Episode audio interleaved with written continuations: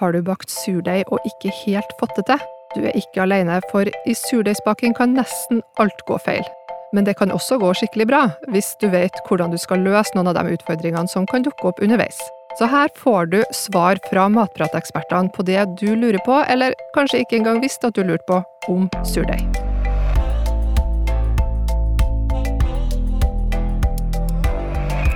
Det her er Matpratpodden. Jeg heter Lisa Ekli, og i denne episoden skal vi få ekspertene sine beste tips til alt det vi lurer på om baking av surdeigsbrød.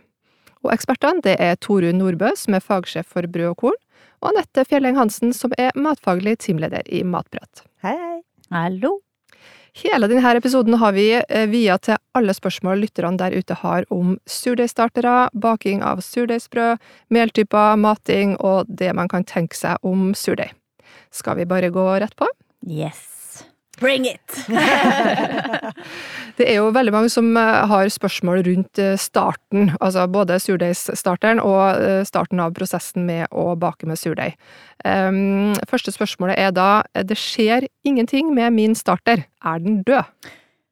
Nei, hvis det ikke skjer noen ting, og hvis den ser bra ut, så er den jo mest sannsynligvis ikke død. Eh, hvis den er helt, helt fersk, eh, så kanskje det kan være at du akkurat har lagd den, så bør du bare fortsette å mate og sånn, følge prosessen et par dager til. Eh, hvis den har stått lenge i kjøleskapet, eller ja, og derfor er død, egentlig, så er det å ta av en bitte liten del av starteren, bare 30-40-50 gram, mate opp med lik mengde mel og vann, og så bruk Så får du liksom i gang den etter hvert, da. Og da vil du se etter noen dager, så er den eh, levende! da. Har du fått liv i den? Ja. Bra. Eh, hva betyr stiv starter? Stiv starter er jo et, eh, kanskje et ord som mange vil si heller er kalla for aktiv starter, eh, eller en moden starter. Så det er jo rett og slett at du har eh, laga en aktiv starter når den er klar for eh, å skal bakes med. Eh, Blanda mel, vann og starter, og får en sånn tjukk og fin starter som er bakeklar, rett og slett. Da er den, så står stiv starter i oppskrifta, så er det gjerne en sånn bakeklar starter du skal ha, da. Min starter eh, skiller seg. Hva gjør jeg? Det skjer ofte hos meg også, og det er ikke noe farlig. Da kan man bare helle av det vannet som er øverst, og så kan man uh, mate som vanlig. Ja.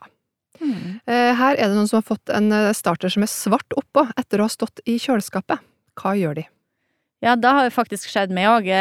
Vi snakka jo i en av de andre surdeigsepisodene om at jeg hadde den i tre måneder i kjøleskapet, og da var det et ganske sånn ja, to-tre centimeter tjukt svart lag med væske oppå toppen. Eh, men som Torunn nettopp sa, hell av vannet. Eh, lukt på den at den ikke ser helt Den vil lukte, litt rart, men eh, ta av en liten del og begynn å mate over flere dager, så kommer den seg garantert. Ok, det var da eh, svart oppå, men hva hvis det er hvitt oppå? Eh, er det mugg? Det må ikke nødvendigvis være mugg, det kan være det man kaller kamgjær. Og mm. det er gode bakterier, og du kan bare fjerne skorpen og, og ta av denne kamgjæren og bak på nytt. Men det er klart, hvis det er mugg, så anbefaler vi å kaste. Hvordan ser du at det er mugg? Det er jo gjerne mer sånn tråder og mer sånn ja, eh, sånn Og kanskje litt grønnfarget. Eller svartfarget, eller ja, ja litt ja. sånn eh, tråder. For da går jo gjerne de her trådene langt ned i eh, starteren òg, så da sitter de, men akkurat det her kamgjerdet ligger bare på toppen. Ja.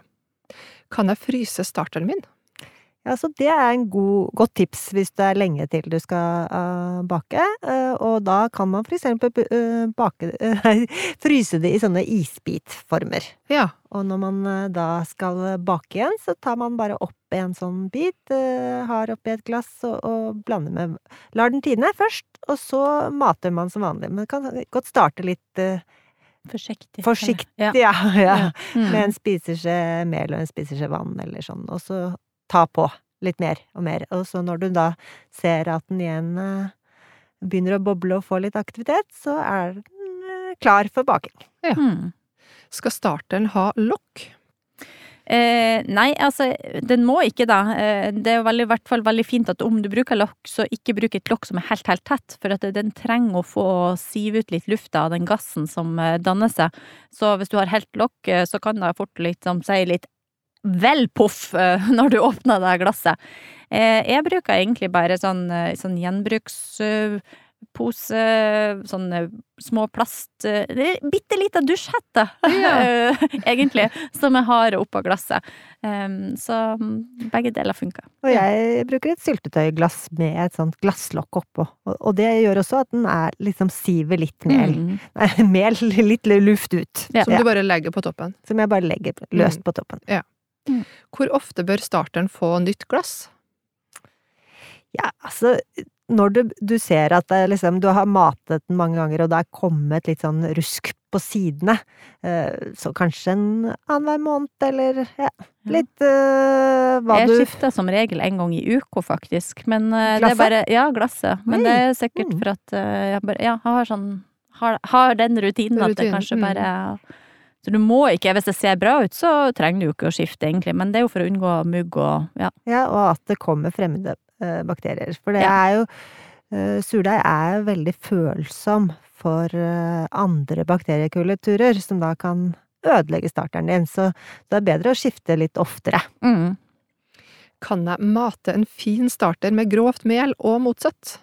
Ja, det kan du absolutt. Jeg har en fin starter, og når den begynner å bli litt sånn, hvis er bare litt slørven på matinga og sånn, så bruker jeg gjerne gi den litt sånn rug for å få litt sånn boost inn i det her uh, matinga. Så da kan du absolutt, enten om du mater med fint og grovt eller grovt og fint, uh, den liker jo egentlig ikke så mye at du switcher så mye. Uh, så hvis man mater helst med det samme melet, så kan man gjerne bake da Sjøl om man har en fin starter, så kan man bake et grovt brød, eller en grov starter, så kan man bake et fint brød. Det har ikke så mye å si hva du akkurat bruker i bakeprosessen. Men så er det jo fint at den den blir jo mer stabil hvis du holder det til én type mel akkurat i matprosessen, da. Ja. Mel er det jo mange som har spørsmål om. Eh, trenger man et spesielt mel for å bake surdeigsbrød, eller kan man bruke helt vanlig hvetemel? Man kan bruke helt vanlig hvetemel, men det handler jo litt om hva slags bakresultat bakeresultat du vil ha, og hvor, hvor, eh, hvor luftig brød du vil ha. Det er jo litt sånn at du må bruke helst kanskje et, eh, et mel som er et sterkt hvetemel, hvis du skal ha en fermenterings, lang fermenteringsprosess og skal ha et veldig luftig brød med store lommer og sånn, så bør du jo bruke et sterkt hvetemel, for hvis ikke så kan jo brødet eh, klappe sammen. Men så kan du jo bruke liksom, gjerne variere litt ulike typer meltyper òg, for å få litt forskjellig smak på brødet og eh, litt ja, om eh, du vil ha fint eller grovt. Ja. Altså, du kan bruke både siktet og sammalt mel. mm. Bør jeg bruke økologisk mel til mating eller baking, eller begge deler? Så mange mener jo at eh, å bruke økologisk mel gjør at du får en fortere aktiv starter, og det er jo fordi eh, det økologiske melet har en rikere flora av mikroorganismer. Men vår erfaring er jo at man eh, kan bruke også helt vanlig mel. eh, Og gjerne sammalt der, fordi man får med skalldelene. Det er der eh, gjærstopper og disse eh, mikroorganismene sitter. Ja. Mhm. Og man kan gjerne mate den med økologisk, men bak med vanlig mel òg. Det er jo fullt mulig. Bør deigen være eh, bløtere når jeg baker med grovt mel? Aldri bakt et grovt brød, jeg må spørre Toren. Altså, det som er, er at uh, når man baker med grovt mel, så kan man gjerne uh, bløtlegge det grove melet i forkant. Det gjør man både når man baker med konvensjonelle brødtyper, eller, og om man bruker surdeig. Mm. Så, så det som er med det grove melet, er jo at det trekker til seg mer vann. Sånn at det er kanskje mulig å bake også med enda mer høyere hydrasjon, da. Mm. Kan jeg bytte mel til mating?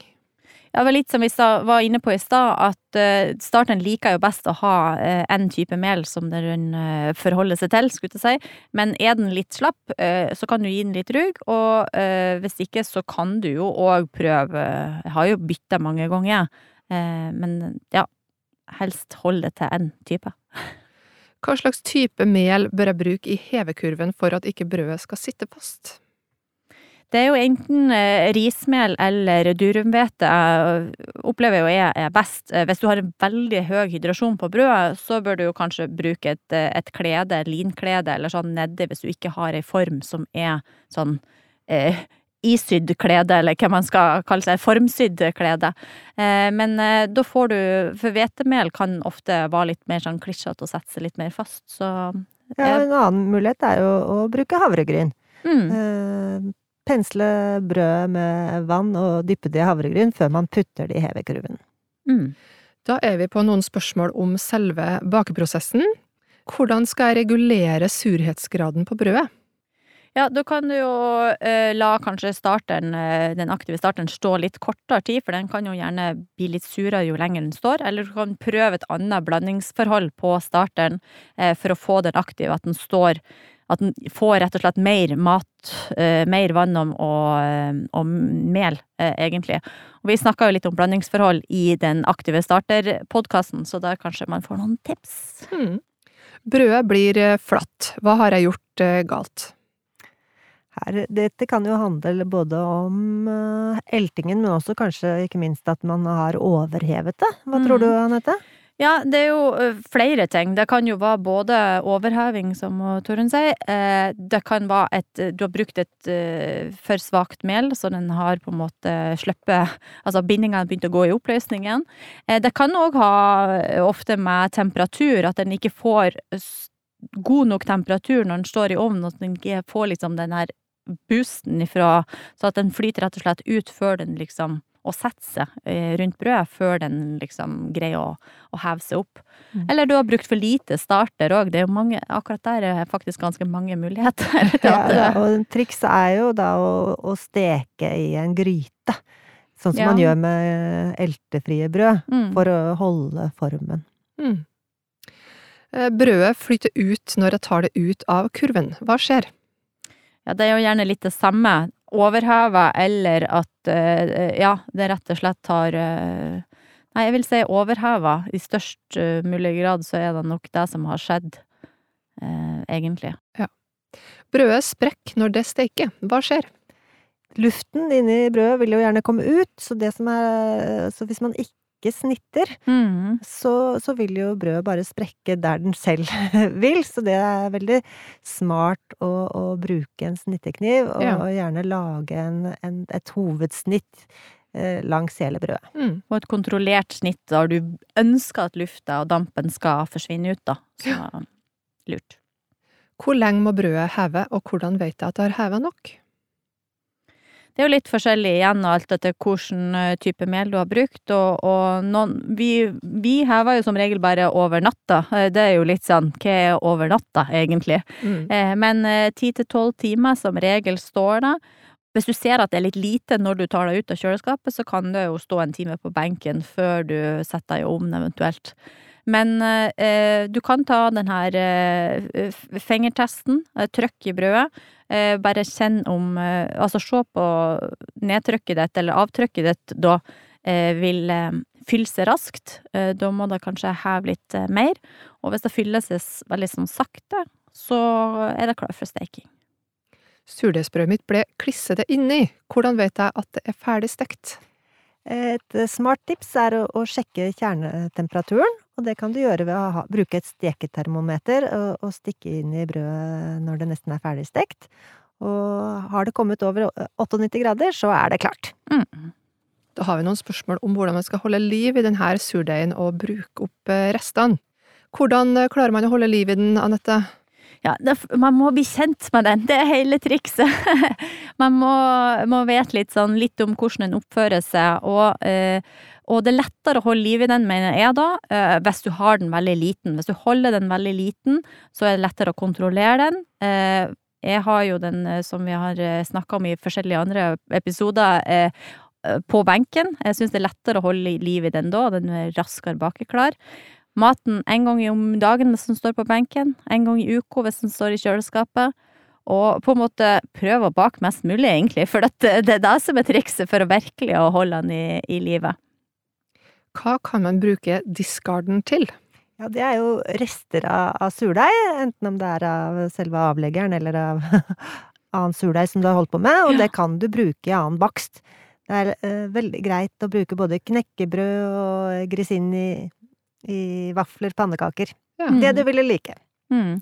Og det er jo liksom der, den starteren, da. Du har mata den så masse opp, og du har ikke fått uh, bakt nok, så blir den jo gjerne litt stor. Og da kan du jo, som Torunn sier, bake noe digge knekkebrød eller noe, så får du kvitta deg med litt av den, uten at den går i søpla.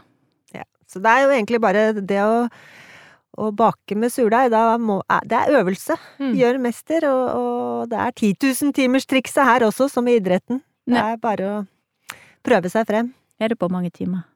Mm, nei, jeg vet ikke. Jeg føler nå at jeg Det er, er langt kommet under 10 000, men Ja, på god vei. Ja. Og da er mitt siste spørsmål til dere, hva er det som er deres surdeigsfavoritt? Altså, jeg har en fransk klassiker, altså suppeboller bakt av surdeigsbrød, fylt med fiskesuppe.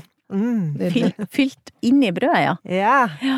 Nei, eh, jeg har en signaturrett. Eh, Frøken Hansens eh, delikatesse, eh, som er laga da 256 dager i året. Det er surdeigsbrød. Eh, og så er det eggerøre stekt i bruna smør. Og så er det sriracha. Og så er det Jarlsberg på toppen. Fy søren, altså, det er digg. Har du lyst til å høre mer om hvordan du lager en surdeigstarter fra bunnen, eller hvordan du gjør surdeigen aktiv?